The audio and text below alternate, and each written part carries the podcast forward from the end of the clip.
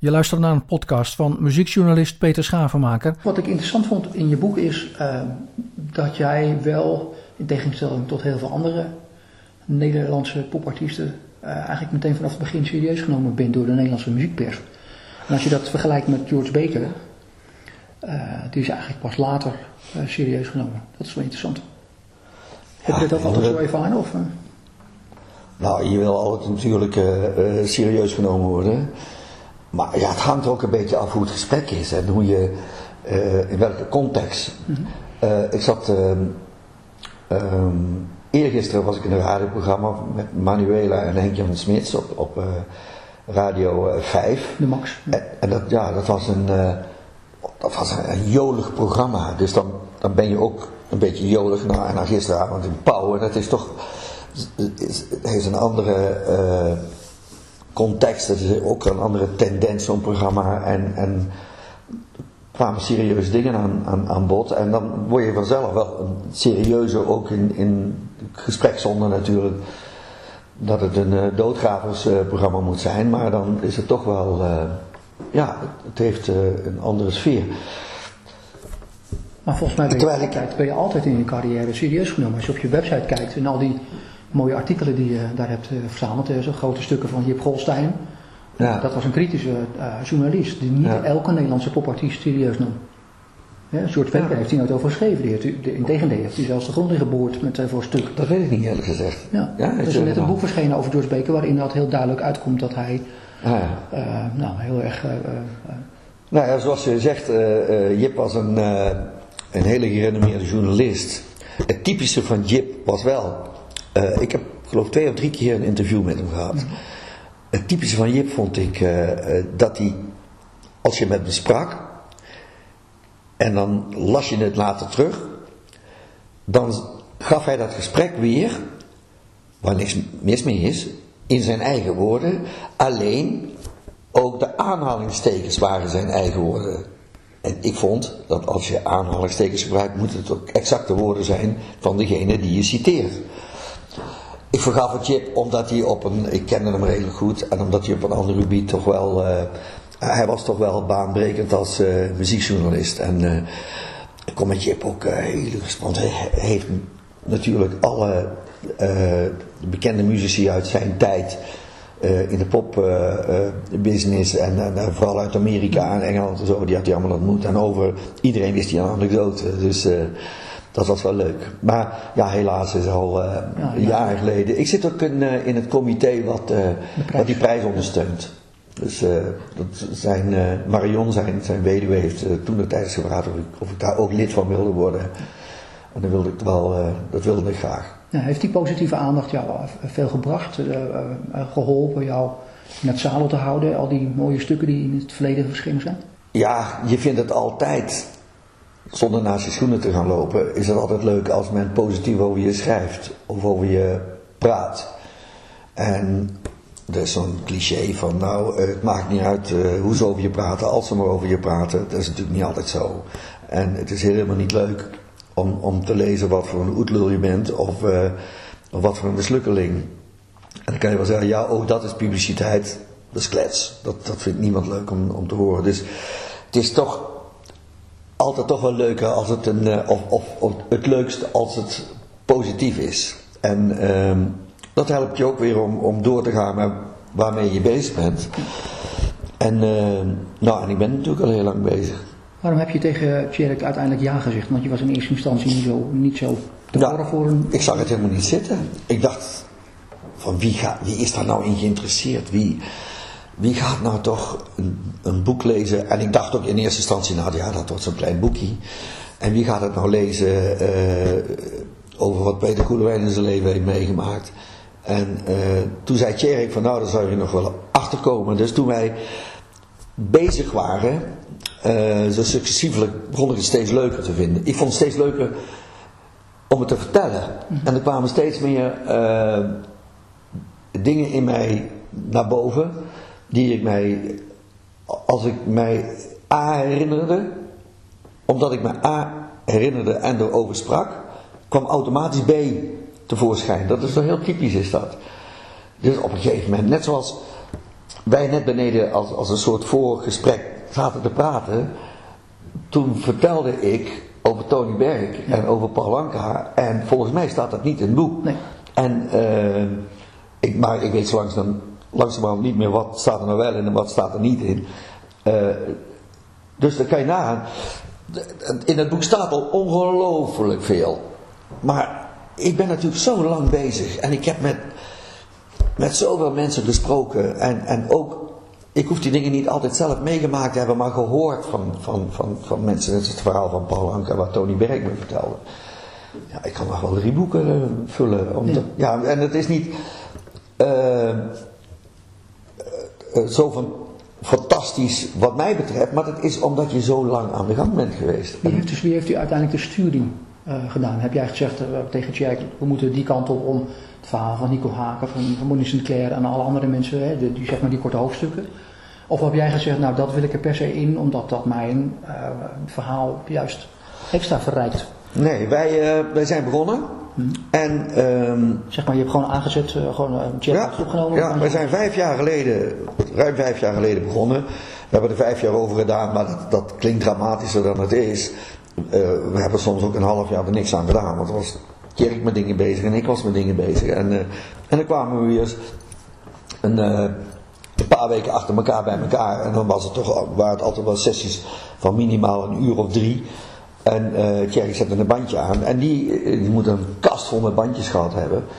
Die is dat later gaan uitwerken, want we, we, sprongen soms van de hak op de tak en soms, ons kom je niet aan, uh, vertelde drie jaar later hetzelfde verhaal wat ik in het eerste jaar al had verteld. Maar dan kwam hij er zelf wel tegen op die bandjes. En hij is daarna gaan selecteren en helemaal aan het eind zei hij tegen mij van, dat, dat, dat, was nog twee maanden terug van Peter, we moeten nog over bots hebben. We hebben het helemaal niet over bots gehad.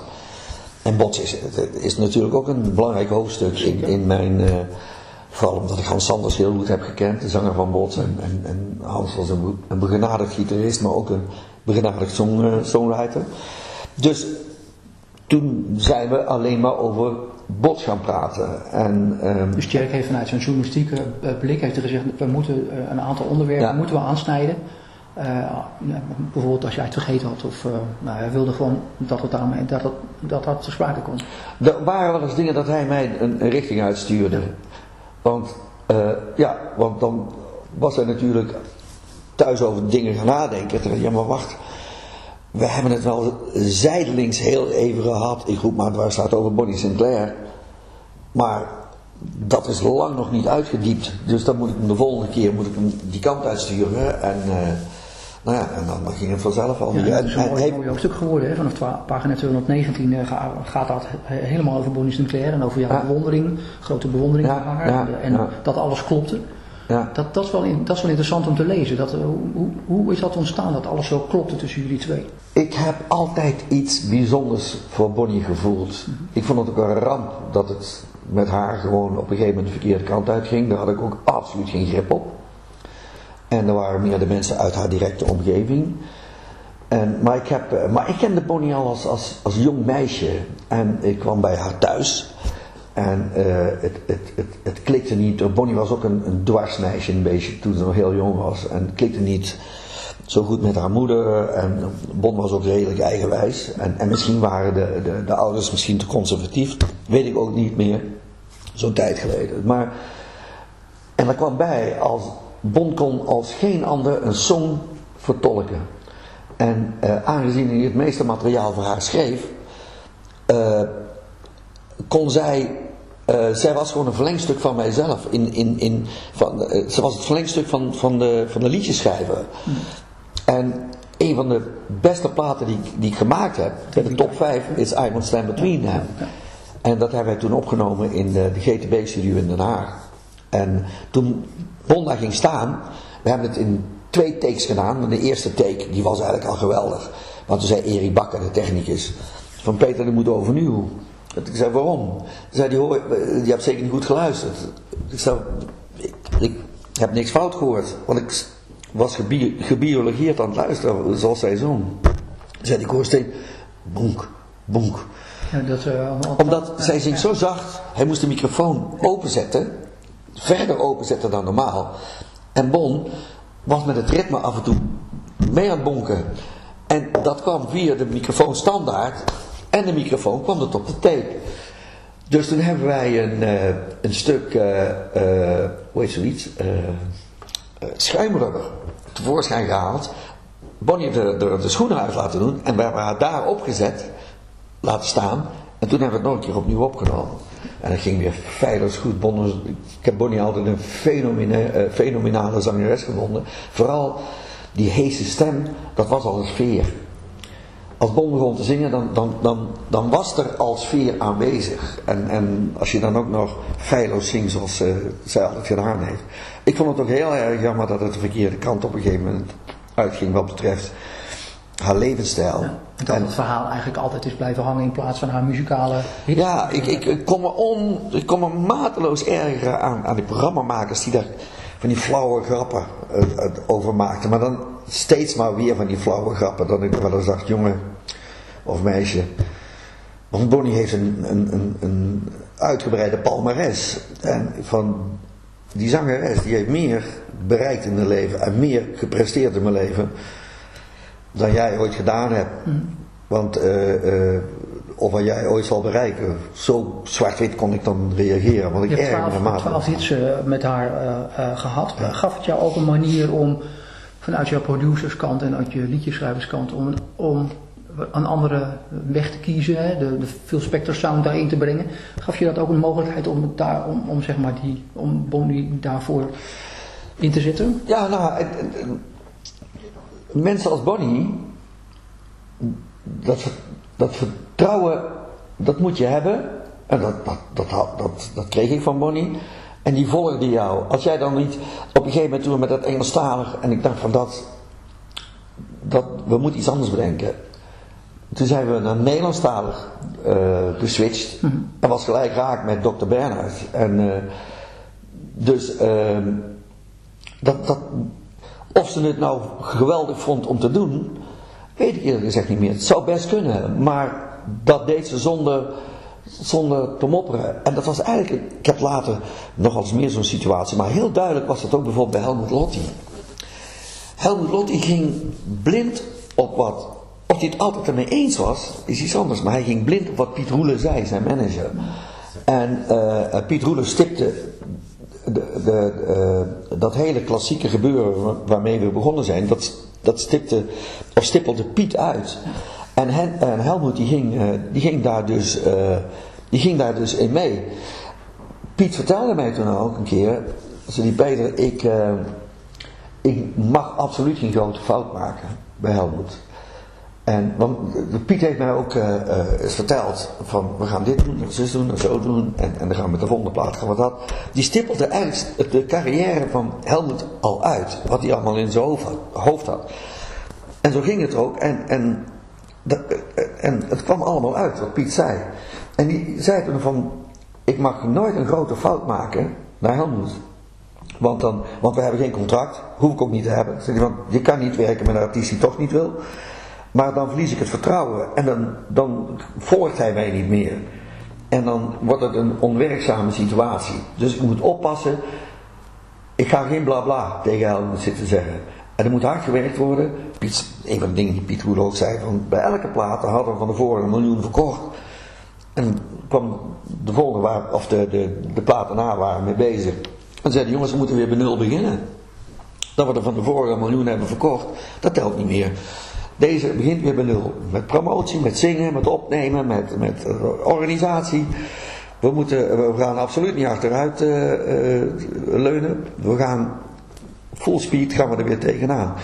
En verwachten, Piet verwachtte dan ook van iedereen dat hij voor de volle 100% uh, dat dan ook deed. Ik heb hem af en toe wel eens een keer door het sleutelgat kunnen trekken. Want hij uh, verwachtte zo ongelooflijk veel van, uh, van mensen. Omdat hij ook van zichzelf veel verwachtte. En, ik kan me voorstellen dat je dat, je dat als, als componist en als producer interessant vindt. Want je kunt je dan muzikaal kun je andere wegen inslaan die je voorheen nog niet hebt gedaan. Die gelegenheid krijg je. Je wordt dan een beetje geprikkeld. je kunt, was dat, voelde dat zo? Dat je, dat je daarvoor ook... Met, met, met, met Helmoet en, en, en, Piet en, die, die, die periode? Ja. Nou, nou, je kon niet doen wat je wilde. Eh, Dus Piet had dat echt heel erg afgekaderd. nou, laat ik het zo zeggen. Eh, Piet meende, en hij heeft daar heel lang gelijk in gehad, maar Piet is natuurlijk ook maar een mens. Hij meende dat hij wist wat het publiek wilde. En daar maakten we de platen voor. Dus eh, anders moet je gewoon thuis eh, tussen de schuifdeuren blijven zingen. En dat is niet, je kan niet het totale publiek eh, eh, begrijpen. Dat is, maar ehm, hij heeft wel een richting aangegeven. Een van zijn, van zijn uitspraken was: Als mijn moeder het mooi vindt, dan vindt de rest van Nederland het ook mooi. En als mijn moeder het niet mooi vindt, moeten we het vooral niet doen. En eh, hij heeft diverse malen ook tegen de arrangeur gezegd, tegen Wim Boets. En dan had Wim bijvoorbeeld een, een, een klassiek stuk van, laten we zeggen, een, van, van, van Beethoven. Met een, een, een algeheel gekende intro erin, die anderhalve minuut duurde. Dat Piet dan zei van, eh we waren het repeteren en dan eh, van Wim, eh, kom eens hier. En dan, want we waren altijd, ik was er altijd bij bij de, repetities en, en dan waren we, zaten Piet en ik in de zaal en, en Helmut en, en het orkest eh, waren dan eh, aan het repeteren. En dan eh, riep Piet riep dan eh, Wim. En zei Wim, dit begrijp ik niet. En dan zei Wim, die zei ja maar dat, eh hè, meneer Beethoven als je neer heeft het zo bedoeld. En dan, eh, ik, in het begin had ik er heel veel moeite mee. Maar later, ik begon steeds beter te begrijpen. Ik begon Piet ook steeds beter te begrijpen. En zei Piet, ja, maar daar, begrijpt, mijn buurvrouw begrijpt er helemaal niks van hoor. Dat, eh, die anderhalve minuut, dan, dan maak ik begin daar maar een half minuut van te maken. Want dat duurt allemaal weer te lang, dat wordt veel te ingewikkeld. En, eh, dus hij bracht de, de, de veranderingen aan waar misschien meneer Beethoven eh, zich eh, door in zijn graf omdraaide. Maar daar zat Piet niet zo erg mee. Die, eh, die vond dat het moest zijn wat, wat het publiek mooi vond.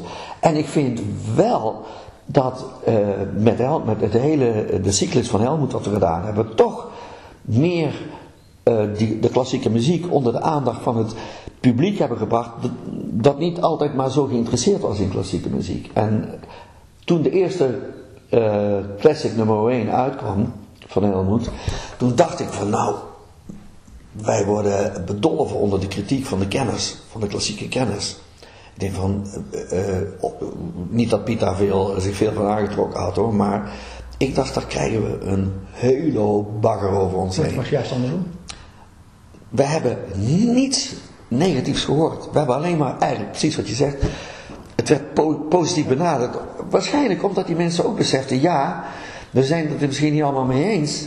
Maar we, we bereiken hiermee zoveel mensen die misschien toch dadelijk eens een keer een, de originele plaat gaat kopen met precies de, de, de, de, arrangement zoals het dan oorspronkelijk is bedoeld. En dat zal misschien ongetwijfeld ook wel gebeurd zijn. Maar het lijkt me interessant voor je als, eh, als componist dat je die periode hebt meegemaakt. Omdat dat een heel ander blikveld Ik vond, ik vond het een geweldige periode. Ik vond, eh, ik had ook een mateloze bewondering voor Piet en voor Helmut. Ja, je- als, in het boek noem je Helmut een fenomeen. Hè? ja, Helmut is een fenomeen. Helmut is een fenomeen als, eh, als eh, zanger. Hij heeft net een nieuwe soul- soulplaat gemaakt. Ja, ik moet ik, eh, bij de presentatie was Piet, Piet en Helmut waren er ook. En ik had aan Piet gevraagd of hij de plaat mee wilde nemen, maar dat is hij vergeten. Dus ik moet hem nog bellen of hij hem op wil sturen, want ik ben heel benieuwd. En, ehm, maar, maar Piet is een, een, een waanzinnige manager, vind ik. Want hij heeft toch van Helmut een, een wereldartiest gemaakt. En gelukkig zijn ze weer bij elkaar. En eh, ik heb optredens van Helmut meegemaakt. In Canada was die heel groot. Ik heb in New York eh, een, een, een, eh, in een theater een optreden van Helmut gezien. In Zuid-Afrika. Was hij ook groot in Zuid-Afrika? Ja, divers in Duitsland. We stonden op een gegeven moment met drie platen in de top 10 in drie cd's met de top 10 of LP's. Nee, cd's waren toen al. In de top 10 in, eh, in Duitsland. Dat ik dacht van, wat is er gaande? Eh, hallen die afgeladen vol waren en zo. Dus dat was, dat was een, eh, een absoluut een, een hele bijzondere tijd. Ja, Je stipt in het boek een aantal keren wordt er gesproken over je internationaal. Hè? Dus Engeland en Amerika met Kurt in de Boombox. De Hot 100 heb je toen gehaald. En in Engeland en ook uh, bijvoorbeeld. Heb je genoeg voor je gevoel genoeg succes gehad in het buitenland wat je, wat je altijd wil? Heb je, is, dat, is dat bevredigd, zeg maar, die, dat, de, wens om in het buitenland ook succesvol te, te zijn? Dat, dat ligt altijd bij elke artiest. Ja. Onderop ergens. En wie het dan ook is, en als die zegt, Ja, bij jou ook denk ik, want als je als componist liedjes maakt, dan hoop je dan natuurlijk... hoop je dat je zoveel mogelijk mensen bereikt. Ja. en dat kan gewoon, eh, kijk het wel half, voor, voor elke artiest is natuurlijk Amerika. Dus de hele wereld kijkt naar Amerika. Om daar, als je daar door kan breken, dan, dan, dan heb je de wereld veroverd. Maar is, is, is het altijd, is, het achteraf naar tevredenheid geweest, die, die internationale, dat internationale succes? Ik denk dat ik eh, wat dat betreft wel eh, dat, er, dat dat eh, eruit gekomen is, of eruit gehaald is wat eruit te halen viel. Ehm, eh, er, is, er is nog iets. Ehm, ik heb diverse dingen gedaan. Ik heb mij niet alleen maar geconcentreerd op de artiest Peter Koelewijn. Ik ben ook producer altijd geweest, liedjeschrijver. Ik heb op een gegeven moment ook een management opgericht, wat nou een van de grootste manage- managementbureaus is van, van Nederland, Rocket Management. Ik heb toen later ook mijn aandelen aan mijn compagnon toen aan Ludo Voeten verkocht. En Ludo heeft er een fantastische tent van gemaakt verder. Eh, dus ik werd, en waarom deed ik dat? Waarschijnlijk omdat ik toch eh, redelijk eh, behouden ben opgevoed en het toch wel een, een beangstigende gedachte vond dat ik alleen maar afhankelijk zou zijn van het artiest zijn. En ik, wist ook al heel snel, je bent artiest met de gratie van het publiek. Als het publiek je op de een of andere manier niet meer ziet zitten, dan ben je artiest af. Maar als je daar helemaal afhankelijk van bent, als je daar gewoon je inkomen uit moet halen, nou, dan, eh, dan wordt het een ramp. Dan, dan heb je ook geen inkomen meer. Dus zeg maar dat, dat, de, dat de opkomst van de, van de beatmuziek, dus zeg maar de Stones en de Beatles, eh, eh, zorgde dat jij minder succes eh, kreeg. En dus eigenlijk koos om producer en de- liedjeschrijver te worden. Dat Nou, ik vond dat ook leuk. Ja. Dus dat ging eigenlijk naadloos over. Ja. Dus ik heb, ben ook een hele tijd niet meer, eh, op, heb ik niet meer op mijn buren gestaan. Een paar jaar. En, en ik ging met producties beginnen en, en andere dingen doen. Vanaf 72 volgens mij heb je, is het eigenlijk... Ja, in, in, ah, in, in eind jaren, dat is diverse malen gebeurd, eind jaren 60 en zo was dat. En, eh, dus, maar dat heeft onwillekeurig altijd gespeeld. Van, laat ik het anders zeggen, niet op één paard werden. Dus, eh, en, en bijvoorbeeld Rob de Nijs. Rob is altijd met Rob de Nijs bezig geweest. En, en, en Towers is altijd met Towers bezig geweest. En er is mij wel eens de vraag gesteld van, als je alleen met jezelf bezig zou zijn geweest, zou je dan het, het verder hebben geschopt als artiest Ja. dan, eh, dan nu?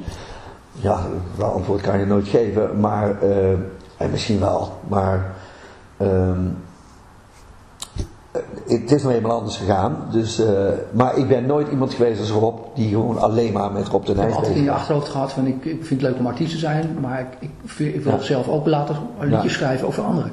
Ja, dat heb ik en- en- altijd, altijd eh, gehad. En met anderen werken. En ik heb toch een ongelooflijk rijk leven gehad. Vooral ook door, door producer te zijn en songwriter. Ik heb in eh, een, studio's, eh, in een studio in Londen gestaan met Cliff Richards. Ja. En ik was de producer daar. 28 maart 2013 was dat. Nee, nee, nee, nee, nee, nee. Ja, sorry, 28 maart staat in het boek. Ja, staat dat er? Ja. Nee, dat kan niet.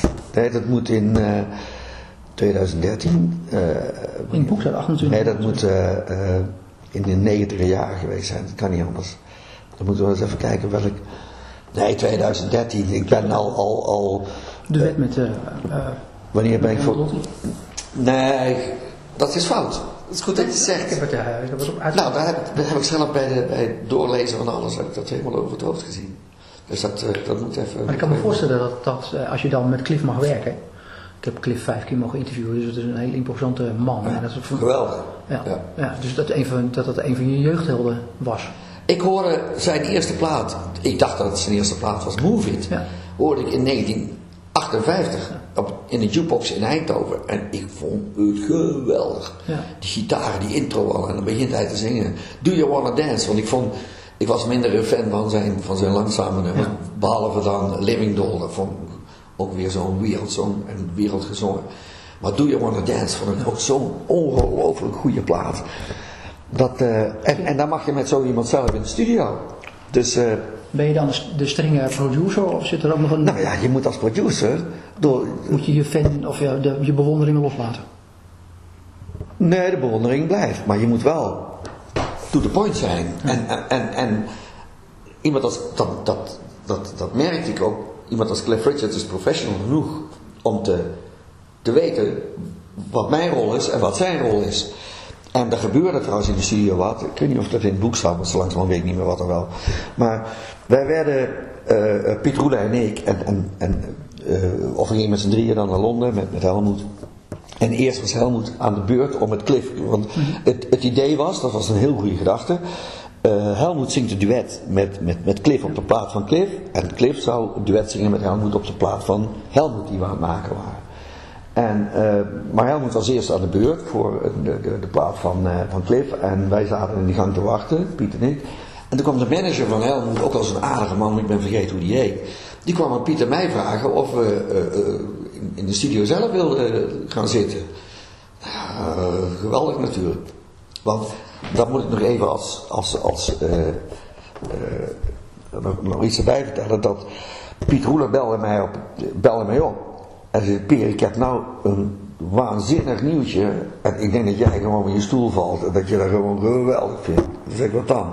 Zeg, we gaan een duet opnemen samen met uh, Cliff Richard in Londen. Het werd even stil. En uh, van mij. Ik zei, is dat zo? Ik zei, dat is zo. Zei, toen zei hij van, vind jij het net zo geweldig als ik? Ik zei, die Peer, ik, ik ben al nerveus. Zei hij, om die gozer al tegen te komen. Dus uh, in, in die sfeer gingen wij daar naartoe. Dus toen hij vroeg, aan, aan die manager vroeg, of wij de studio in wilden, uh, om dat te zien. Nou ja, dus keken Piet elkaar aan en natuurlijk wilden wij dat zien. En toen zat ik in de studio. En het hele rare was, er was een technicus. En de, en de, en, uh, de producer. En de arrangeur van, van Cliff. En normaliter heeft een, een arrangeur, als hij dan, een, heel vaak heeft die keyboard bij zich. Voor als een, een, een zanger, een, of er gaat iets mis, dat je op, op, even kan voorspelen. Enzovoort. Maar dat was er niet. En op een gegeven moment is uh, Cliff een tweede stem aan het zingen. En dus op, hè, we hadden er niks mee, we waren alleen maar toeschouwer. En ik zei, dat kan niet waar zijn. Dat horen, dat moet, die, dat moet Cliff horen. Maar als hij het niet hoort, dan moet hij producer het horen. En als die het niet hoort, moet sowieso die arrangeur het horen. Dat was gewoon de verkeerde tweede stem. Dus ik kijk Piet aan, en die, die absoluut niet wist waar het over ging. En, uh, maar die zat gebiologeerd te luisteren. En toen stak mijn vinger op. En uh, mag ik wat zeggen? En toen zei die uh, producer, wat trouwens een hele aardige gup was. Ik zei, ja, wat, wat, wat is er aan de hand? En we hadden ons helemaal nog niet voor. Alleen die manager had gezegd nou, dit Piet en Peter Koelewijn. En, en, want ze waren midden in die sessie, dus uh, we gingen zitten en, en daar was het dan niks voorgesteld. Dus normaal, want je, normaliteit is een doodzonde als iemand zich met een productie bemoeit. En vooral als iemand die er helemaal geen fuck mee te maken heeft natuurlijk. En, maar die man die zei van nou, hij zingt daar de verkeerde harmonie. Is dat zo? Ik zei, ja dat is dat. Wat zou het dan moeten zijn? Dus ik zing dat voor. Ik zei, verrek. Ik denk dat je gelijk hebt. Dus die drukt die intercom in. En die zegt tegen Cliff. Peter Koelewijn zit hier, de producer van Helmoet. Die zegt dat die tweede stem niet goed is die jij zingt. En volgens mij heeft hij gelijk. Dus die Peter, zing nog eens voor. Dus hij houdt die knop in en ik zing het voor. En Helmoet zei later tegen me, Piet, ik hoor het ook. Ik zeg, maar waarom zei jij dat niet? Want Helmoet hoort dat meteen. Ik zeg, ja, ik ga toch niet tegen Cliff zeggen dat hij de verkeerde, verkeerde tweede stem zingt. Trouwens zei je, dat is niet mijn taak, dat is de taak van die producer. Of van die arrangeur. Ik zeg, ja, daar heb je wel gelijk in. Dat gebeurde een keer of drie. Met het gevolg dat ik, toen ik aan de beurt was met Cliff Richard, om, om met Helmoet op te nemen, ik al helemaal eigenlijk bij de familie horen. Het vertrouwen van Cliff Richard was volledig. Die, die wist van nou Helmut heeft niet een een of andere koekenbakker meegenomen. Dus die man die weet waar hij het over heeft. Nou moest Cliff Richard de eerste stem zingen in een stukje in, in wat we met Helmut gingen doen. En dan Helmut de tweede stem erop. En daarna kwam Helmut de eerste stem en Cliff de tweede stem op het stukje. Maar die, dat stuk van Helmut stond, stond in zo'n hoge toonsoort dat die tweede stem, die nog veel hoger was. Ik denk, dat, dat, alle Nederland, dat gaat hij nooit redden. Dat gaat Cliff Richard nooit redden. En ik wil niet bij een afgang van Cliff Richard staan. Dus ik ben met uh, Pim Koopman, ben ik uh, uh, gaan zitten. Zei, Pim, je moet me even helpen. We moeten een derde stemling te vinden die gewoon eronder duikt. Want dat gaat, ik leg hem dat uit. Ik zei, dat gaat Cliff Richard nooit redden. Dat is veel te hoog. Helmut zingt al zo hoog en dan moet hij er nog eens een keer overheen. Nou, zei Pim, dus hebben we dat uitgedokterd en we een cd'tje van gemaakt. Dus zijn, toen ik aan de beurt was, zei ik tegen Cliff, ik zei, voordat we gaan beginnen, jij moet eigenlijk een tweede stem zingen. Maar dat, dat, dat kan niemand. Dat is gewoon dat is onmenselijk. En ik, ik, heb daar een andere oplossing voor. Het is niet de ideale, maar die tweede stem, die is, uh, ik, wat ik niet zei, is wat Helmut had het wel gekund. Want Helmut die, zingt, die kan zo verschrikkelijk hoog uh, dat halen. Maar dan vond ik nou niet de juiste gelegenheid om tegen Cliff te zeggen dat Helmut het wel kon. Maar, uh, maar ja, daar had je eigenlijk al gehoord, want op zijn eerste stem deed Helmut zo naadloos even die tweede stem eroverheen, met een kopstem. En um, nou, als ik wil proberen. Dus ik dacht, doe dat nou niet. Weet je wat, doe dat nou, godsgeleerd, ik wil er niet bij zijn, want dat kan gewoon niet. En, uh, en hij gaat er staan, en uh, de band, en hij begint te zingen. Het, stoom kwam uit zijn oren, en, het snot kwam uit zijn neus, bij wijze van spreken, maar het klonk voor geen draad. En daar was ik al bang voor, dus hij komt weer de, de studio binnen. Ik zei, Cliff, ik wil jou niet pijnigen. Ik heb een andere oplossing, heb je al gezegd. Dan keek je ons aan en zei ik wil het nog één keer proberen. Ik zei, oké, okay, tuurlijk. Al je tien keer proberen. We zijn hier ook voor jou. En ik ging er staan en Helmut kwam naast me zitten in, in de regiekamer. En hij gaat er staan. We starten de tape. En hij begint. En van begin tot het eind. Als ik er dan denk, krijg ik kippenvel van. Klopte die tweede stem. Het was al heel zacht, maar het was digitaal. Dus we konden gewoon de schuif omhoog trekken. Dus dat maakte niks uit. Met kopstem en, en zuiver en geweldig. En is klaar. We stoppen de tape en uh, ah, doodse stilte. En, en, en, en Cliff achter het van, nou en? Dus ik kon alleen maar zeggen, kom maar hier. Zwaaien. En uh, dus uh, toen kwam die en toen zei hij, en? Hoe was het? Ik zei, luister zelf maar. En oh ja, onder het zingen zei ik tegen Helmoet, ik zei, Helmoet, hij gaat het halen. En ze zei, hoe is het mogelijk? Hij krijgt het voor elkaar. Ik zei, niet te filmen. En uh, dus liet hem horen. Ja, zei hij, ja, nou, volgens mij is het goed. Ik zei, volgens mij is het goed, het is gewoon geweldig. En toen keek hij ons aan, zei hij niks. En toen keek hij ons zo aan. En toen keek hij naar, naar. Echt met die blik van, ja, maar wacht even. Wat Helmut Lotti kan, dat kan Cliff Richard natuurlijk ook, hè. Weet je, zo'n... En ik vond het zo geweldig. En mijn bewondering was groot voor die man. Maar... Uh, had je ook een plaat met hem willen maken? Absoluut. Ja. Ik zou met iemand, ik, met twee mensen zou ik een plaat willen maken. Met Cliff Richard en met André van Duin. André van Duin lijkt me een feest om daar een plaat mee te maken. Is daar wat, nou, wat je nu vertelde, is er zijn daar gesprekken over geweest om met hem een plaat te maken? Nee, nee, nee. Nee. Nee. Nee. Het was nog, joh, dat was, ik baalde als een stekker, want ik moest uh, dezelfde avond, moest ik terug, want ik moest de volgende ochtend op tijd gaan mixen met uh, de, de, van Helmut in, in de Wisselo Studios. En Helmut en Piet, die bleven achter, want die waren de volgende ochtend uitgenodigd op het landgoed van, van Cliff Richard. Daar had ik natuurlijk ongelooflijk graag bij willen zijn, dat begrijp je wel natuurlijk. En, en, en om het nog erger te maken, krijg ik in de studio telefoon om een uur of uh, half elf. En Piet Roelen.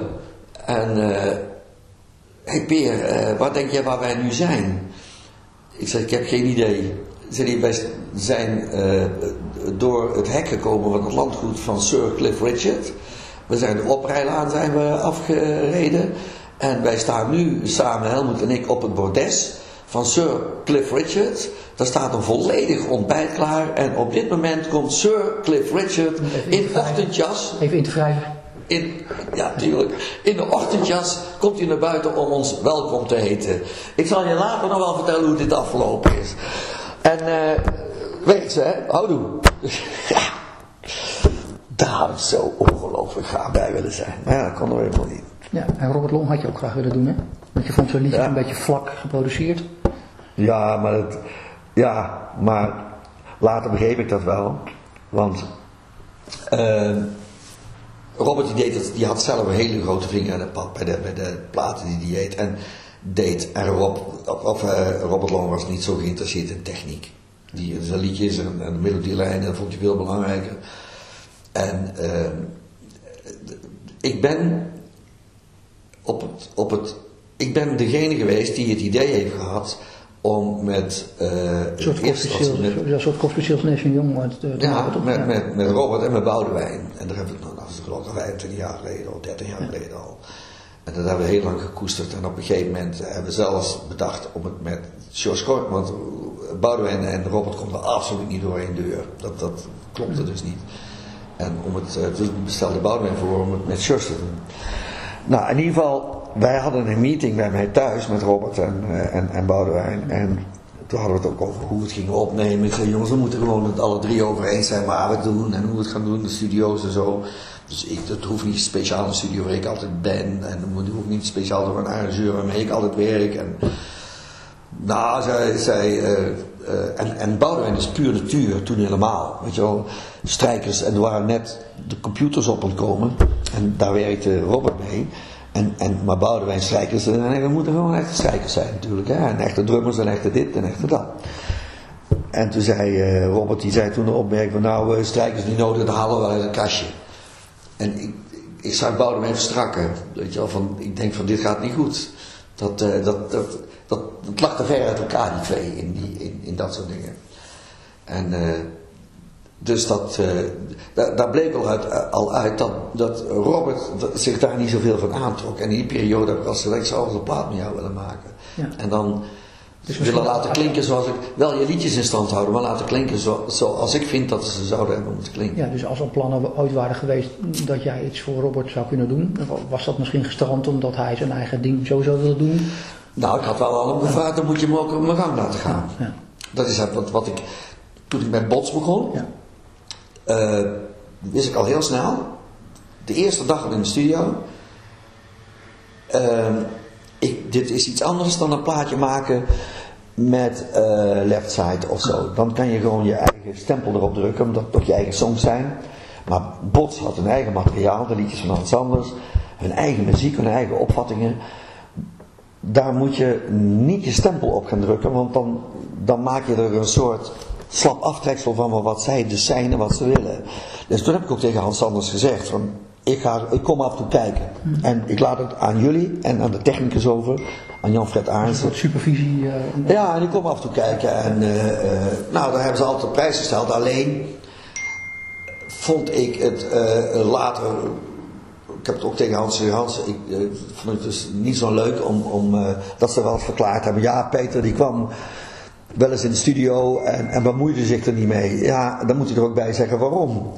Ik bemoei me er wel mee, maar, want ik moest een studio boeken. Het ging onder mijn, eh, mijn konto van, van Fonogram. En, en ik liet ze alle vrij van, van, van de wereld. Dus, eh, maar eh, ik- de maatloze bewondering van Hans Sanders. Ook zeer toen Hans overleed, was net zoals bij Nico Haak. Niemand, eh, de media hebben daar bijna geen aandacht aan besteed. Terwijl Hans Sanders een begrip, dat Bots een begrip was in, eh, in eh, Duitsland bijvoorbeeld. Ja, want je zegt in het boek, hè, op het moment dat Nico overleed, dat je de auto aan de kant zette en dat je hoopte dat op de radio... Ik heb alle zenders afgezocht. Ja, dat er iemand daar iets over zou zeggen, maar Ja. dat gebeurde niet. Ja. Ja. Maar wat kan je verwachten van, hoe heette die, Theo Stocking geloof ik, dat was een, een, een, ook een disjockey toen de tijd. Van zo iemand die bij de, de dood van Bill Haley zegt, Bill Haley, rock around the clock. Waar eigenlijk, toen dat rock around the clock, heeft niet de rock'n'roll gemaakt, maar hij heeft wel de rock'n'roll echt op de kaart gezet. Rock around the clock was een, en toen wist de hele wereld wat rock'n'roll was. Maar dat Theo Stocking zegt toen Bill Haley overleed, nou ja, heeft een keer een liedje opgenomen wat de mensen leuk vonden. Iets eigenlijk dat ik dat, meneer Stocking, wat zegt u nu? Weet je wel, dat Bill Haley ook niet omdat Bill Haley zo'n grote, maar dat nummer sowieso, dat, dat was van dezelfde belangrijkheid bijna voor mij dan, als bij de dood van Elvis Presley. die, die een, een, een rock'n'roll een, een, een soort cult had gegeven. Ja. En, en, en eh, eh, de, de echte man die, die, die, die de rock'n'roll liedjes eh, op de kaart heeft gezet is Chuck Berry natuurlijk. Want iedere zich respecterende artiest in Amerika en Engeland heeft een nummer van Chuck Berry op zijn repertoire eh, Ja, zeker. staan. Ja. 361 gaat het over de, het moment dat je, eh, zeg je letterlijk, van het werd tijd voor serieuze eh, repertoire naar wat oppervlakkige liedjes zoals Angeline. Het moest wat persoonlijker worden. Waar, waar kwam dat vandaan dat je dat wilde? Omdat ik, ik, ik had al eens wat, wat nummers geschreven voor anderen die, die verder gingen dan alleen maar ik hou van jou en blijf je trouw. Terwijl ik toch in mijn, in mijn eh, leukere repertoire, zal ik maar zeggen, in, in het meer komische repertoire, ik toch altijd naar originele dingen zocht. Of het nou beestjes was, of ik kan geen kikker van de kant of duwen. Eh, maar ik wilde toch eh, meer eieren kwijt. En, en zo kwam zo successievelijk het idee van eh, het beste meisje is niet goed genoeg voor jou eh, tevoorschijn. Met nummers als de KL 204. Maar ook, ik denk dat ik niet lang meer te leven heb. Dat, dat schreef ik. eh, ik lag in het ziekenhuis en er was iets aan mijn arm. En, en toen zat ik te bedenken dat. Ik zat daar vroeger te denken. En wij hadden vroeger een hecht clubje in Eindhoven op het kerkpleintje bij de Fatima-kerk. En, en ik, nog daarvoor heb ik een Indianenclub gehad. Weet je, zoals alle jongetjes hebben met. eh, en ik was weer naartoe en, en met de broer van Harry van Hoofd, dat was uh, Tecumseh en, eh, en nou.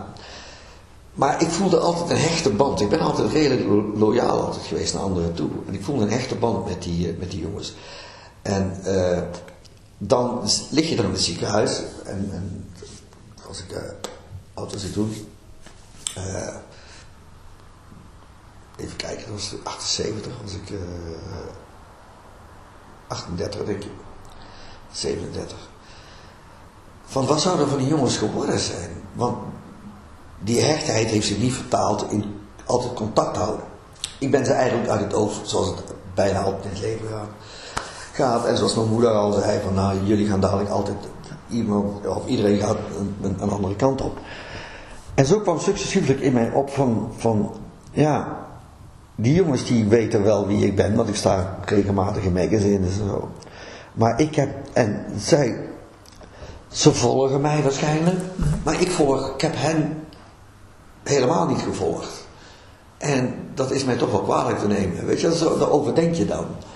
En, eh, en, en, en ik zit nou in, in, in, in die showbusiness en eh, wat eigenlijk lucht is. En, eh, en vandaag was ik weer de beste en morgen gaat het weer, weer mis. Dat soort overpeinzingen. En zo kwamen successievelijk dat soort teksten, dat soort ideeën, dat soort gedachten kwamen in mij op. En die heb ik toen, eh, eh, ja, die heb ik toen ook allemaal opgeschreven. En dat werd uiteindelijk, werd dat de LP het beste en meeste goed. Ja, dus zeg maar de relativering over de, over de plastic wereld, hè, daar heb je ook Ja. auto's in, als tekstregel gebruikt. Dat, dat kwam op een gegeven moment dat je dacht van nou ik wil gewoon wat serieuzere teksten eh, maken. Maar ook de bijbehorende muziek. Ja.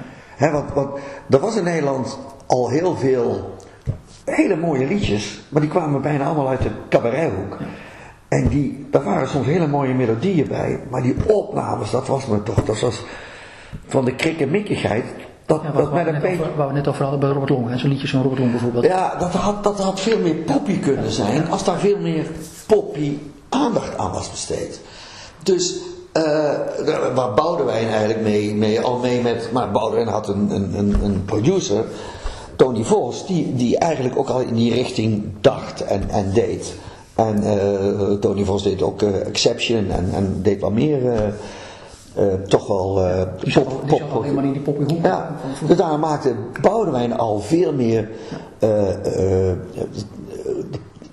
die liedjes waren pop, maar je moet ze ook nog pop op de plaat zetten. En dat, dat gebeurde toen ook. Maar dat kwam, dat kwam weer door de combinatie Tony Vos, Boudewijn en Burt Page, de, de, de, de arrangeur. Die maakte waanzinnige arrangementen en, en voor, voor Boudewijn. En dat was zijn geluk.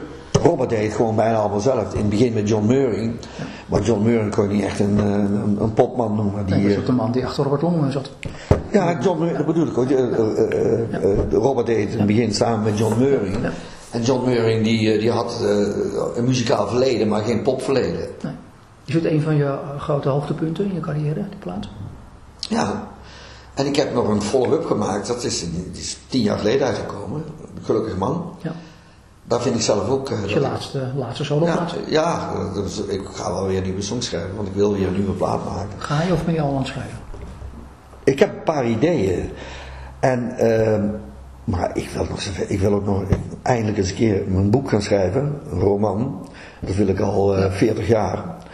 En er is nog steeds niks van gekomen. Dus, eh, maar dat wil ik, als het allemaal een beetje rustiger is, zei de man van 77, dan ga ik al die dingen ook doen. Twijfel je nog of je het kan? Of? Ik twijfel altijd. Ik twijfel altijd. En eh, ik twijfel of, ook of dat boek het succes wordt. Wat de, de eh, Peer, of dat, ik bedoel, ik gisteren met Tjerk nog over gehad. Nou, zei Tjerk, dat, we zijn erg op de goede weg. De eerste druk is al weg. Ik zei, ja, ja die, liggen in de, in de boekhandel. En nou nog dat de mensen, weet je wel. Dat is voor mij altijd... Misschien heb ik wel een tik van de molen van mijn vader, maar dan andersom. Mijn vader die... eh, wat ook in het boek staat, die eh, alles wegrelativeerde. Ja, dat is Toen- mooi, in de columns eh, schrijf je dat. mijn vader vond mijn geschallen in de muziekbusiness wel aardig. Echt een hoger pad had hij als echte Spakenburgse Nederlandse hervormde visverkoper niet van op. Dat is wel mooi, ja, in, in, in, in, in, in, boek staat zo. in Dat- Peer staat dat mijn vader, toen alle kranten erover geschreven hadden, over Kom van het dak af, en, en, en maar Parool. Nog niet, en dan hadden we thuis, mijn vader zei, stelt niks voor, want Parool heeft er nog niks over geschreven. Tot Parool er ook aan moest geloven, en ik het hem liet zien, trots van, kijk eens pa, ja, maar niet op de voorpagina, ja, zo kan je natuurlijk allemaal wegrelativeren, maar dat slaat nergens op natuurlijk. In plaats van dat hij nou had gezegd, jongen, ik vind het geweldig voor jou. Voor jou, was ook goed geweest. En, eh, Dat heeft hij nooit gezegd, toch? Ik kan me niet herinneren, kan me echt niet herinneren dat mijn vader nou echt enthousiast over, eh, maar überhaupt niet zo erg enthousiast was over wat zijn kinderen ook deden. Daar kon hij op de een of andere manier, denk ik, misschien dat die, die Calvinistische instelling uit, uit Spakenburg hem weerhield. Dat, eh, dat weet ik eerlijk gezegd niet. Nee. En als je een nieuwe plaat maakt, zou die dan meer lijken op eh, het beste in mij? Of, Ja, dan wordt het, nou, dat zal hij niet, maar wel in, Nee, maar goed, in die hoek wel in die sfeer. Ja. Toch, ja, dan wil ik toch, eh, ja, ik, eh, hoewel ik, ik heb ook in eh, Een Gelukkig Man een, een, een song staan van Jij is mijn lief. ja. Wat natuurlijk krom Nederlands is. Maar dat heb ik expres gedaan. Om dat woord jij is te gebruiken. Omdat het des te meer benadrukt. Het is bijna Zuid-Afrikaans zou je kunnen zeggen. Maar het is, in Zuid-Af- in Zuid-Afrika zeggen ze ook niet jij is geloof ik. Maar om extra te benadrukken. Wat ik wil zeggen, jij is mijn lief. Ik bedoel, jij bent mijn lief. Dat is alweer veel gewoner dan wanneer je zegt, het is, het is niet shocking. Omdat, en jij is mijn hart. En, eh, eh, dus, eh, maar dat is wel frivoler, maar toch tekstmatig vind ik dat toch ook wel, wel weer kloppen wat er verder in die song gebeurt. Is de muziek eh, eh, op dit moment die je inspireert om liedjes te maken? Nee. Elke muziek inspireert mij. Maar niet de heel hedendaagse stroming die, eh, waarvan je zegt, nou dat, inspireert me, die bluff of zo, of andere bands. Of, Nee, nee. Nee, ik vind niet. ik heb een, een, een, een, een ongelooflijk respect voor Bluff. Ik vind niet dat ze vernieuwend bezig zijn, eerlijk gezegd. Maar waarom zouden ze ook moeten? Dat hoeft ook helemaal niet. maar, Maar- ergens in je hoofd zitten liedjes, maar die moeten nog even bij elkaar. Ja, ja. En Ik kom, ik kom, dan, dan kom ik meer in de trant van, eh, van wat, wat Boudewijn doet of Ja. zo. Dat, eh, en zoals de, de, de, de, het beste mij is niet goed voor jou, eh, goed genoeg voor jou. Ik, ik, ik, ik hou er ook van om reële teksten te maken. Dat bedoel ik mee. Ik kan niet zoveel met dichterlijke. eh, Als een song. Dat, dat men moet nadenken, wat bedoelt hij daar nou? Weet je wel? Dat, eh, laten we zeggen, ik hou meer van realisme dan van, ehm, ja, nou ja, noem maar een Ja. andere richting. Ja. En is 2019 dan realistisch voor een plaat? Of is dat, zeg je van nou, dat is me al te veel, al veel te veel deadline, ik zie wel wanneer komt. dat, dat zou, ja, dat zou zomaar kunnen. Maar, en ik eh, realiseer me ook dat een plaat tegenwoordig ja, platen. Wat is een plaat tegenwoordig? Een plaat zijn gewoon eh, twaalf songs en die zet je op internet. En eh, ik bedoel, fysieke platen, die worden dus niet meer volgens mij verkocht. viel me op dat bij bijna geen van je werk, behalve eh, deze plaat, ook niet helemaal volledig zoals, zoals ik hem heb, niet op Spotify staat. Is dat een bewuste keuze? Dat moet je eh, voor bij fonogram zijn, want het zit bij, Uni- bij Universal, want daar, zit, daar zit het repertoire helemaal. En als die niet, eh, eh, dat niet op Spotify hebben gezet, dan, ja, daar, daar heb ik niks over te zeggen. Jij kunt niet zeggen, zet dat op Spotify. Want, Nou, dat zullen ze zelf ook wel bedacht hebben. Dus die, zijn ook, die zitten er toch ook niet te slapen. Roy Thijssen, die, die daar... zeker als er nu zo'n mooi boek is, hè, waarom eh, wordt er dan niet al het werk op? Ja, ja. ja, misschien doen ze dat nou dan. Gaan ze dat doen. Dus eh wij hebben wel met, eh met, eh met Jerk over gehad om er een plaat aan te hangen aan dat boek, Ja. maar dan werd het veel te duur. Dus dat hebben we dus uiteindelijk toch niet gedaan. Ja, want de vorige keer dat we elkaar spraken, een van de keren, hadden we het over de, de flops of de onbekende dingen om daar een soort dubbel CD van te maken. Toen zei je, nou, op zich is het een goed idee, maar ja, Ja. Is, is daar markt voor? Ook weer, hè, de twijfel. Hoewel mijn zoon, ik weet niet of ik dat toen ook gezegd heb, die, Joep, die komt... ja, Joep had toen het idee zo, doe het maar gewoon. Ja, maar, die eh, ja, maar vooral dat repertoire van, eh, uit de jaren 60, Ja. waarvan er een hele hoop dingen idiote liedjes zijn die nergens op slaan. Maar dat vond hij, dan zei ik, pa, dat is kult. Ja. Een jip jip op mijn lip lip. Ja. En hasta la vista en, en van dat soort rare liedjes. Mhm. Zei hij, dat moet je gewoon op een plaats zetten, want dat is zuiver kult. Dat klinkt verschrikkelijk leuk.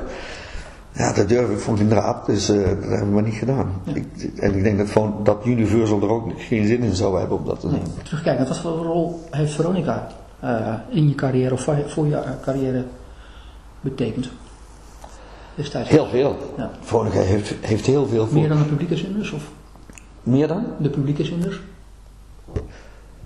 Ja, dat, dat kwam later pas. Publieke zenders. Die, die, die maar Veronica heeft de toon aangegeven. En eh, omdat Veronica eh, bestond, is later ook eh, Radio 3 gekomen. En, en, en waarschijnlijk ook nog wel Radio 2. En, dus ja, Veronica is voor elke Nederlandse artiest heel belangrijk geweest. En ik heb heel veel te danken aan, aan Veronica. En ik, ik, diverse mensen heb ik ook heel goed gekend.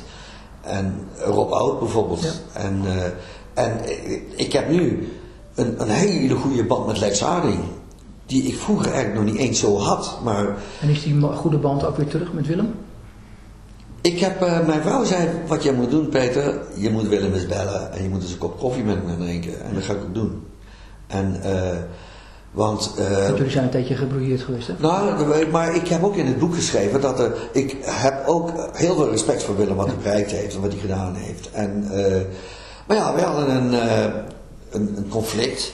En, eh, maar conflicten zijn eh erom opgelost te worden. Dus, eh, maar er is met iedereen. Ik heb ook een conflict gehad met Bonnie. En ook dat hebben we opgelost. En, dus en, ja, als je 60 jaar bezig bent, dan, dan komen er wel eens een keer wrijvingen. En ik heb ook een groot conflict gehad met de directeur van Fonogram toen de tijd, met Willem Barens. En ook dat is opgelost. Je, door de wereld, en vooral de, de, de showbusiness in Nederland is te klein om eh, conflicten te hebben. Vond je het wel belangrijk dat, zeg maar, dat soort onderwerpen, hè, zeg maar een beetje eh, insight voor, voor binnen de, de showbiz, Mhm. dat dat ook in het boek zou komen?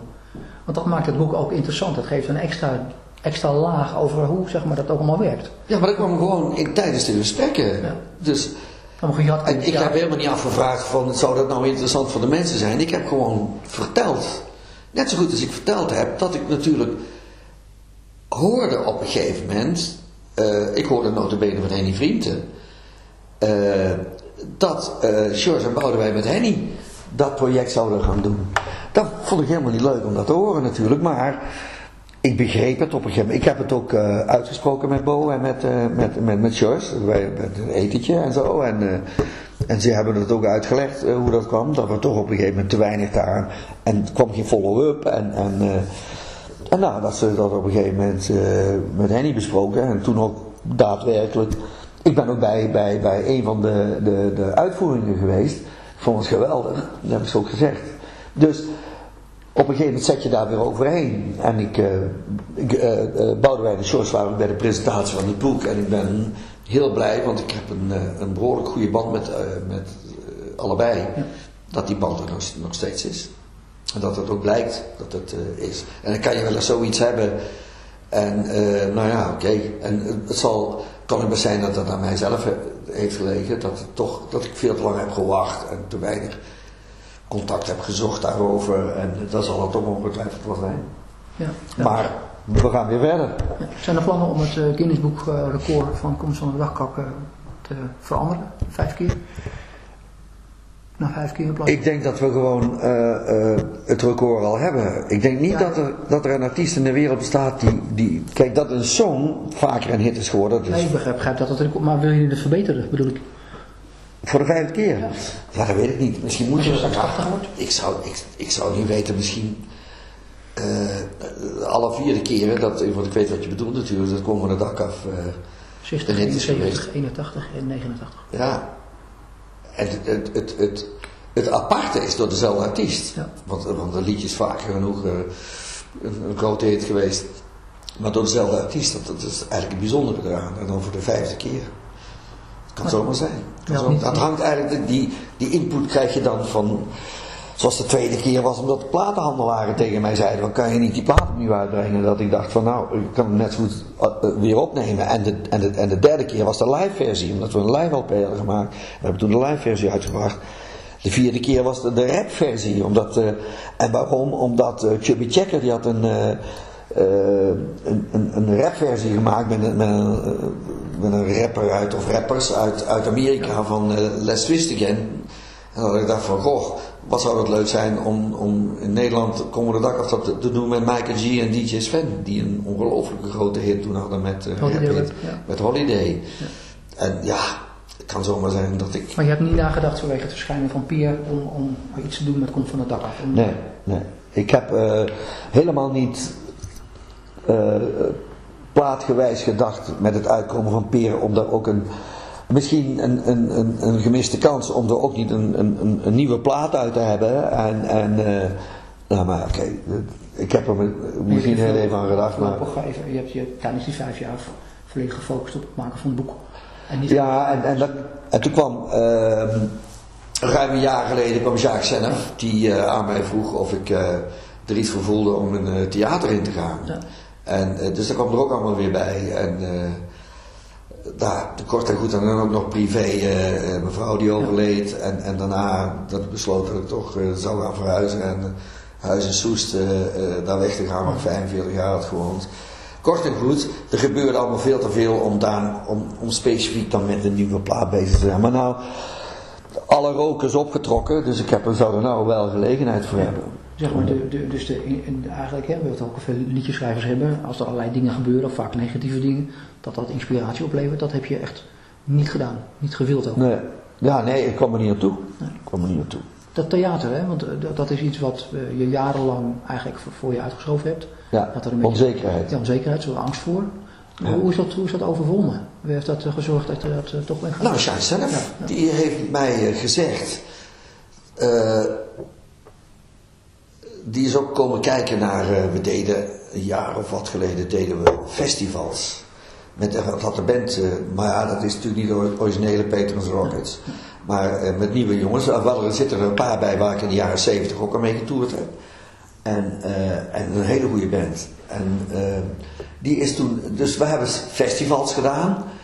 En toen is Sjaak gaan kijken en die zei, Sjaak zijn is een, gro- een grote theaterpromotor. En eh, die zei van, ik wil gewoon iets met jou doen, zei hij. Dat wil ik al de hele tijd, in het theater. Sjaak is echt een theaterman. Nou, en eh, ik schrok ervan. Ik denk, jee, nee, het theater. Dus daar kwam die, die, die oude onzekerheid kwam weer tevoorschijn.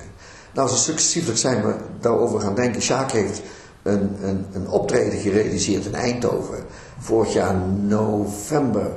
Met allemaal artiesten erbij die, die, die eh, liedjes van mij zongen.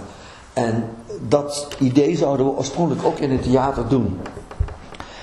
En, maar op een gegeven moment kwamen we erachter dat dat gewoon, te, dat werd te kostbaar. Of je moest het met artiesten doen, de derde garnituur zal ik maar zeggen. En dat wilde ik zelf eigenlijk weer niet.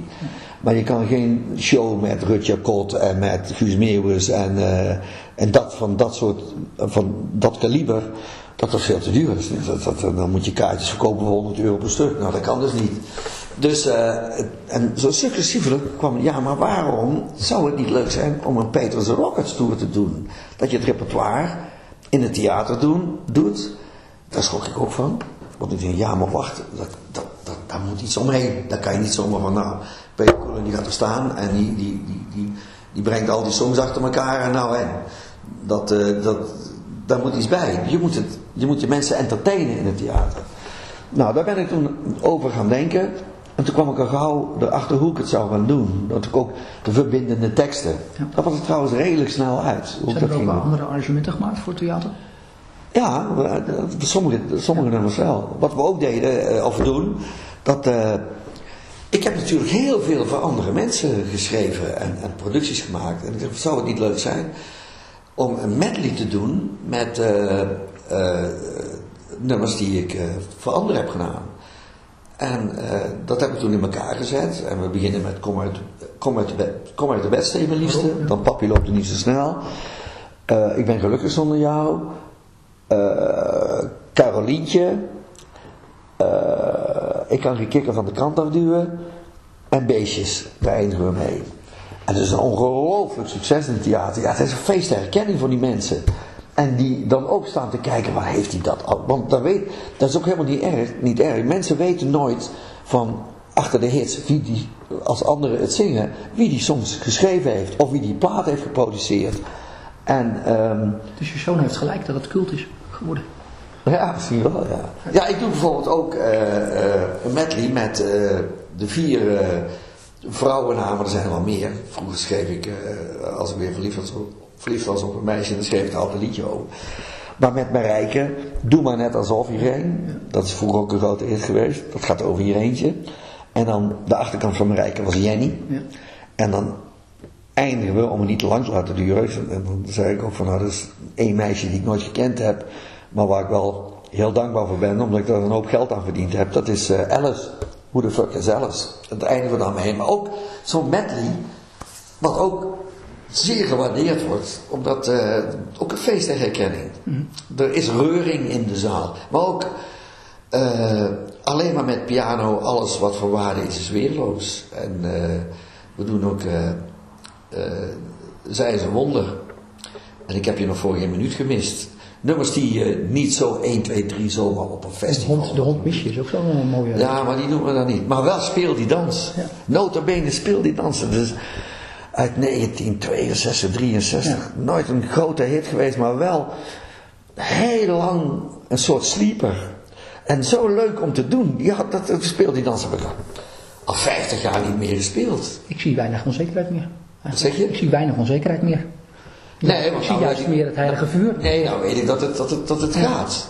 Het heilige vuur is weer terug, toch? Ja, ja, nou vind Om even een, liedje, even een liedje van je aan te halen. Ik vind het heel erg leuk om te doen. Wat was het laatste wat je zei? Het heilige vuur is weer terug. Dat liedje wat je ooit geschreven hebt ja. over je grote helden. Ja, waar, eh, waar, eh, waar ik de Iering voor heb gevraagd om te begeleiden. Ja, dat was ook een belevenis. Maar is het, is het heilige vuur weer terug? Voel je weer gewoon wel weer... Ja, dat theater, dat, eh, ik voel me daar als een vis in het water. Ja. En, en als het dan, net zoals in, het is niet, niet overal helemaal vol, maar wel in, eh, in België gaat het heel erg goed. Ja, goed. En, maar eh, België is altijd aardig voor je geweest. toch? Ja, ja. In eh, eh, Lommel hoorde ik, dat is ook bijna uitverkocht, op een paar stoelen na. Maar we zaten in, in, in Leopoldsburg. En dan heb je meteen al de, de feedback met, eh, met het publiek. En, en dan is het toch, eh, maar ook de, de, de meer gedragen nummers. En eh, ja, nou de KL 204 natuurlijk, dat is ook heel veel, nooit echt een grote hit geweest, maar iedereen kent het. En eh, dat, daar sta ik dan weer versteld van. Top 20 volgens mij toch? KL42. Nee, nee, nee. Wat dacht ik? Nee, nee. Dat is echt zo'n... Nooit een grote hit geweest. Nee. Kun je met eh, een goede afstand kijken naar Kom van het dak af? Is dat, is dat inmiddels gebeurd dat je daar zo op terugkijkt dat dat... Eh, eh, Constant Meijers zei dat in het boek over, over het liedje. Eh, en dat het een onuitwisbare indruk heeft gemaakt op de Nederlandse popmuziek. Het boek wat in 2010 eh, verscheen. Eh, 8 januari t- eh, 1960 toen het eh, voor het werd gedraaid in Tijd voor Teenagers. Ja. En eh, 13 november 59 toen jullie het opnamen. Eh, Kun je daar nog met, met mooie eh, trots naar kijken nu? Of- Ja. Kom van het dak was heel goed voor mij geweest. En eh, je zal toch als artiest, die zal maar zo'n nummer hebben. Ik weet zeker dat elke artiest in Nederland zo'n nummer wat zo gebakken is aan, aan een artiest. En waar je gewoon, als je alleen maar hey, hey, hey roept, hoef je niks meer te doen, doet de zaal de rest. Net zoals dromen zijn bedrog voor, voor, voor Marco natuurlijk. Hij zou wel een idioot zijn als hij niet dromen zijn, zijn bedrog op de bühne zingt. Dat, ook daarvoor komen de mensen.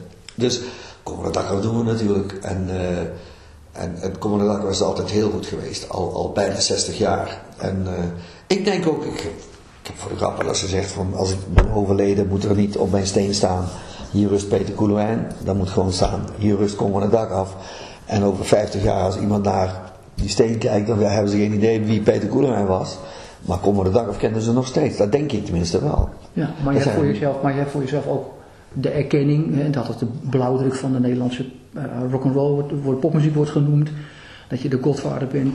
Misschien dat je dat in het verleden dacht, ja, dat, ik ben een beetje onzeker en ik wil ook eigenlijk niet dat ik zo genoemd word. Maar dat je inmiddels wel besef hebt dat dat zo is. Ja, want je zei bij dat, klinkt altijd een beetje arrogant als je dat zelf zegt. Door, maar je zei bij Paul gisteren van dat je jezelf altijd een beetje overschat, overschatte. Dat is er nu volgens mij met, met, met komt van de dak af. Nou, ik denk dat ik mezelf altijd onderschatte. Dat ik, eh, maar ik maak er laatst weer iets mee en daar kan ik, daar, daar kan ik moe van worden en daar kan ik ook zaggerijn van worden. Er is een dame, en heel, heel erg oké, die heeft een, een documentaire gemaakt over de Indo-rock. Ja is een mooi film trouwens. is een mooi film. Ja, ik moet hem nog zien, want ik wil hem graag zien.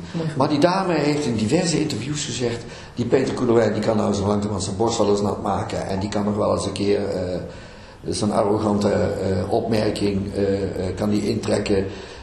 Dat hij de uitvinder is van de Nederlandse rock'n'roll scene. woorden van gelijke strekking. Punt 1 heb ik dat nooit gezegd. Dat zeggen andere mensen. Punt 2. Heb ik nooit gezegd van de Nederlandse rock'n'roll scene. Misschien dat ik ooit eens gezegd van, nou ja, mensen zeggen dat ik de, begonnen ben met de Nederlandstalige rock'n'roll. En ik heb in zoveel interviews gezegd, want zij had het dan over, maar de Tielman Brothers waren veel eerder. Ik heb in zoveel interviews gezegd, dat ik geïnspireerd ben door de Tielman Brothers, die ik al in 1958, 1959 in Astoria zag spelen. En dat ik dacht van, maar ik wil ook zo'n band, weet je wel. Hoe zo'n mens er dan toe komt, door die film zou geweldig zijn, maar hoe zo'n mens er toe komt om dat soort dingen maar te zeggen. En, en, en, en er wordt dan klakloos overgenomen. Dat kan ik me niet dat het verder zoveel uitmaakt, maar daar kan ik me maatloos aan ergeren. Dan worden dan woorden bij mij, mij in de mond gelegd die helemaal niet zo zijn. Want terecht, de Tielman die, die, die, die, komen, die zijn eigenlijk begonnen met Nederlandse, in Nederland rock and roll te introduceren. Als band dan, hè. Ja. ja. En ik vond, ik vond, ze, ik vond de platen die ze daarna maakten vond helemaal ruk. Ik vond het niet lijken op wat ze waren. Maar dat lag niet aan de jongens, dat lag aan de producer en weet ik veel, aan de studio. Maar ik vond die, die, die boys op de bühne, zeg, madre ja, dat was, uh, dat was show, dat was, die, die, die Andy, die speelde waanzinnig gitaar. En die band was absoluut af. heb je iets uit het boek gelaten of heb je alles... Uh... Ik heb later, ik heb, uh, ik heb nogal wat krasse uitspraken gedaan. En die, die, eh, toen ik later dingen terug las, die heb ik... Uh, zei ook van dat moet je gewoon, je moet dat doen naar eigen inzichten, want het is jouw boek. Heb ik dat, dat anders herschreven en, en ik had ook niet zoveel zin. Maar, maar soms zeg je wel eens dingen in, in een soort zagrijnigheid. Als je dan, en, en ik had geen, niet veel zin. Wel om de dingen te zeggen zoals ze zijn, maar niet om mensen te beschadigen. Daar had ik niet zo erg veel zin in. Dus dat heb ik bijgestuurd. Maar in grote lijnen is het gewoon wat. Uh, daarom ook de conflicten die ik in het boek beschrijf. Ja, die, waren nou helemaal zo. Dat, uh, en, en ook mijn liefdesleven. Ik dacht van ja. Bedoel, uh, dat er wel eens dingen zijn gebeurd terwijl ik getrouwd was, die, die, die ik beter misschien had kunnen laten. Maar ja, in dat licht gezien van wat ik, wat ik was. En, en rock'n'roll zanger en, en in de producer en de verleidingen en in de studio en op de bühne. Dan kan het niet waar zijn dat ik daar niet iets over zeg. Dat, uh, dat het natuurlijk bijna logisch is dat er die dingen gaan gebeuren. En, uh, maar ja, inmiddels met mijn vrouw Els nu, die me gezegd heeft, Peter, vind ik heel logisch dat je het gedaan hebt en eh, dat je daarover geschreven hebt in het boek, maar maak je geen illusies, dat gebeurt natuurlijk niet alleen in de showbusiness, maar dat gebeurt ook bij bedrijven en waar dan ook. En zij kan het weten, want zij heeft bij diverse bedrijven gewerkt en uh, zag het gebeuren en keek ernaar. Twee afsluitende vragen. Uh, heb je nog steeds een neus voor talent of ben je daar nog mee bezig? Daar ben ik niet meer zo mee bezig, nee. nee. Omdat de muziekindustrie misschien heel erg veranderd is. Ja, maar ik vind met al die talentenjachten die er zijn, het zal wel. En, en ik, ik, laat het maar liever aan andere mensen over. Ja. En uh, die moeten het allemaal doen. Het is niet zo dat je daar, dat je, daar je expertise uh, bij, bij zo'n programma... Als ze, als, ze, als ze het zouden vragen, dan uh, zou ik dat wel op prijs stellen. Dus je zou wel een plek in de Voice willen, of in de Voice Senior willen innemen om dan... Nou, dat weet ik eerlijk gezegd niet zo. Ik, ik, vind het, ik vind het geweldig dat er zoveel ruimte is voor voor nieuwe lichtingen en zo. Aan de andere kant boezemt me een beetje angst in. En uh, ik zal proberen dat uit te leggen. Die ruimte is geweldig. Maar wat gebeurt er later met al die jonge mensen die daaraan meedoen en die toch ook met de mensen die winnen er zijn er diverse die in een ongelooflijk gat vallen. Wat gebeurt daarmee? En uh, daar gebeurt niks mee. Die moeten dat dan maar uitzoeken. En ja, omdat in de beginfase is de, de, de, de hele televisieploeg is met diegene bezig en die maakt dan een plaat. En, en uh, uh, die, moeten, die, zitten dan ook nog in het management van, van, van de, productiemaatschappij. En de tweede plaats ook dan weer succes, maar de derde plaats wordt het dan minder. Want dan is die productiemaatschappij alweer met de nieuwe aflevering en met de nieuwe mensen bezig. En na een verloop van een jaar of twee, drie, ja, dan, eh, dan, ja, dan, dan, dan zit er letterlijk en figuurlijk geen brood meer in. Dan worden die, die ja, eh, dat is ook een logisch gevolg. Dan, dan moeten ze het zelf maar uitzoeken. En dat, dat diepe gat, daar ben ik bang voor, voor die mensen die, die het gaat te hard. En dan zou ik zeggen van, uh, het is nu helemaal zo met die talent en al die jonge mensen en die willen er allemaal aan meedoen. En dat begrijp ik ook wel, maar het zou veel beter zijn om het op een andere manier te doen. Om successievelijk in kleine zaaltjes kijken of je daar kan optreden en, en proberen, uh, als je, zoals ik dan zelf altijd maar uh, simpel zeg, neem een paar zeepkistjes mee en ga in de kroeg staan en ga zingen. En als de mensen met de rug naar je toe blijven staan. En, en die jongens die zijn alleen maar naar de meiden kijken, de meiden naar de jongens. En, en, ze, en, ze, blijven met elkaar lullen en ze luisteren in jou. Dan weet je in ieder geval dat je dat beroep niet moet doen. Krijg je wel die aandacht, dan weet je dat je in ieder geval op de goede weg bent. En, en zo successievelijk moet je het doen, maar niet in één keer waf. Gelijk schijnwerpers aan en uh, daar, daar, ben ik, ben ik eigenlijk een tegenstander van. Ja. En destijds in 1978 was je voor de vergevorderde plannen voor een Engelse plaat op met in New York. Met een Engel-Amerikaanse producer. is dat nog iets, een wens om een Engelse plaat te maken? Ja. Is dat iets wat je, wat je miste in je carrière? Nee, nee maar dat was toen...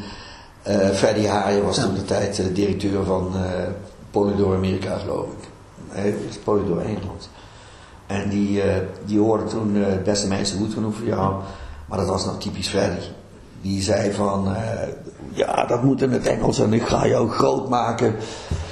Maar dat had hij ook tegen Hans van Meulen gezegd. En, uh, en uh, misschien nog wel tegen een paar anderen. En er kwam allemaal geen ene moer van terecht. Ik geloofde dat nog. Maar later, toen dacht ik van, ja, allemaal weer bla bla. Dus uh, daar kwam niks van terecht. Dus ik heb wel demo's laten maken en, en de, de, de teksten laten vertalen. Door, door jongens die hier in Nederland wonen, maar een, Engels, roots, een Engelse roots hadden. En nou, die teksten zijn hartstikke goed. Maar uh, demo en Freddy opgestuurd en er kwam niks van terecht. Dus er ligt nog een schat aan materiaal wat uitgebracht kan worden. Ja, ja, ja. als demo, ja. ja. ja. Dankjewel voor het gesprek. Graag gedaan.